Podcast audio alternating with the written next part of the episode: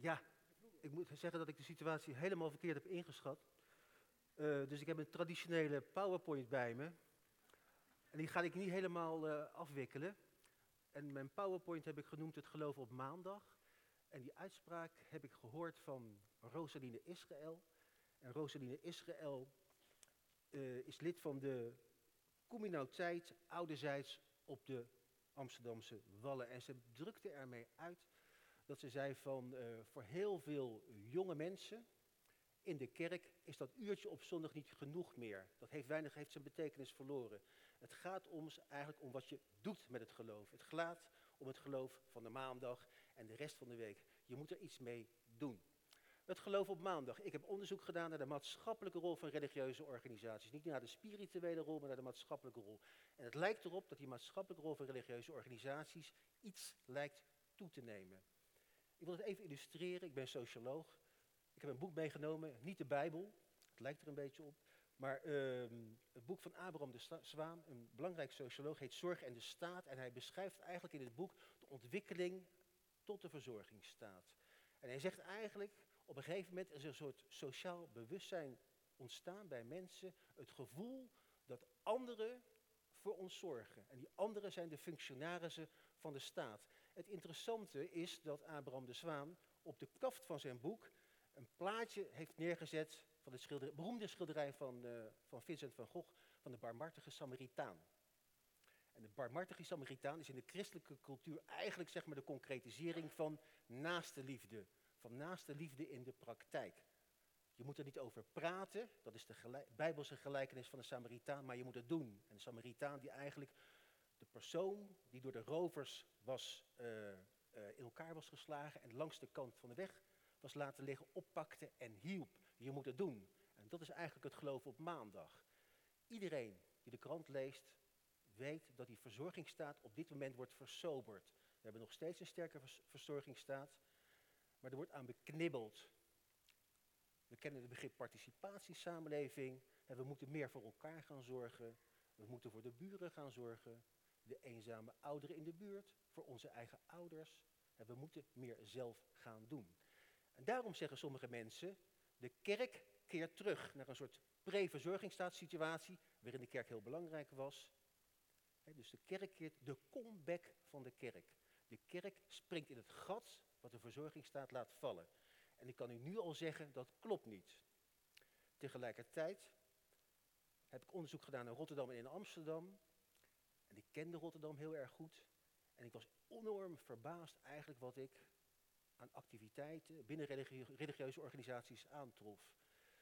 Honderden migrantenkerken, islamitische organisaties, nog traditionele witte en protestantse kerken. Er wordt ongelooflijk veel op maatschappelijk gebied gedaan. Een van de dingen die me al heeft verrast waren alle onofficiële voedselbanken. Overal was eten. Waren ruilsystemen, er was kleding, de maxicosis. Ik heb me verbaasd over de religieuze voorgangers, vaak echte ondernemers, die van alles deden taxichauffeur om mensen naar het ziekenhuis te brengen, relatiebemiddeling midden in de nacht, pedagogisch advies. Ze deden eigenlijk van alles, speelden een hele cruciale rol voor religieuze mensen. Ik heb die ontdekkingsreis eigenlijk voortgezet in Amsterdam. En een van de interessante dingen die ik hier trof, waren eigenlijk de jonge religieuze leefgemeenschappen die je op dit moment ziet ontstaan in de stad. Dit is het Klei Klooster van Johannes, een van de organisatoren van deze avond, een klooster in een klusflat in de Bijlmer. Sinds een paar jaar bestaat dat. Een klooster die iets wil betekenen eigenlijk voor de buurt. Dit is een plekje ook in de Bijlmer van een Ghanese kerk op een hele, een hele uh, interessante plaats, naast een parkeergarage. Dat was ook een van de dingen die ik ook in, in Rotterdam aantrof. Op alle mogelijke plekken trof je kerken aan. De communiteit Ouderzijds 100, waar die Rosaline Israël werkte, op de Wallen. Uh, je hebt nog de protestantse diaconie uh, in, midden in de stad zitten. En je hebt ook bijvoorbeeld de regenbooggemeente Slotervaart. En als je goed naar het plaatje kijkt, dan zie je eigenlijk dat er sinds kort een appartementcomplex tegen een kerk is aangebouwd. En in het appartementcomplex zit ook weer een jonge religieuze leefgemeenschap die probeert eigenlijk die vergrijzende kerk nieuw leven in te blazen. Dat is interessant. Dus je ziet zeg maar, op verschillende plaatsen in de stad allemaal nieuwe initiatieven. Ik denk dat het deels te maken heeft met die versobering van die verzorgingsstaat, maar het heeft deels ook te maken dat Nederland verandert. Nederland wordt, wordt er gezegd door sociologen, een super diverse samenleving. Deze statistiek laat zien dat in Den Haag, mooie stad achter de duinen, uh, al meer dan 50% van de inwoners een migrantenachtergrond heeft. En ook de andere grote steden gaat die kant op. Voor de pauze werd gezegd dat wij een religieuze samenleving zijn. Wij waren een religieuze samenleving. Nederland is in korte tijd heel sterk ontkerkelijkt. Maar door de komst van migranten worden we weer zeg maar, een veel meer gelovige samenleving. Tot voor kort waren we eigenlijk een ongelooflijk, ongelooflijk, ongelovig eiland in een zee van gelovigheid. En die nieuwe migranten die naar Nederland komen, het eerste waar ze vaak naartoe gaan, zeker als het om kwetsbare migranten gaat, is de kerk. Een warme plek, een vriendelijk gezicht, je krijgt tips, uh, waar je een woonruimte kunt krijgen, waar je misschien een goedkope matras kunt krijgen. Het zijn belangrijke frontlijnorganisaties voor migranten. Dus die maatschappelijke rol, door die super, superdiversiteit, neemt toe. En als je, ik ga niet al die plaatjes laten zien, als je ook een moskee of een migrantenkerk binnenstapt, dan verwonder je over alle activiteiten die daar plaatsvinden. Je ziet daar fitnessruimtes, huiswerkklassen, naaiateliers. Er worden cursussen gegeven over gezond eten en gezond leven. Dus allerlei aspecten, de formulierenbrigades. En natuurlijk heel veel contact, warmte en gezelligheid. Ik ben bezig met een foto-essay. Ik heb overal foto's laten maken. Dit is, dit is ook heel erg grappig. Soms denk je dat deze pan wordt verplaatst, want overal zie je dezelfde pan. Ja? Traditioneel, traditioneel beeld van het pannetje soep, hè, dat klinkt een beetje denigrerend. Maar het is ook wel een symbool van de gastvrijheid van heel veel van die migrantenorganisaties die zich proberen te openen naar de buurt. Dat geldt trouwens ook voor de moskeeën. Vaak zie je een nieuwe jonge besturen daar plaatsnemen. Die proberen iets transparanter te zijn. Ze weten dat ze onder een vergrootglas liggen. En ze proberen zich te openen naar de buurtgemeenschappen.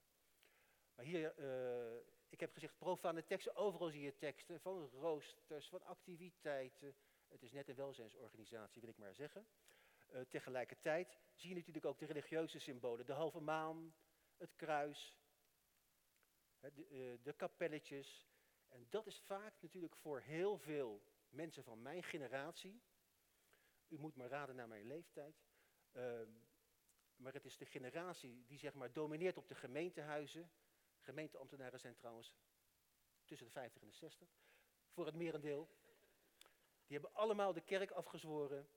Zijn vervreemd van de kerk geraakt. Hebben ook vaak slechte herinneringen aan de kerk.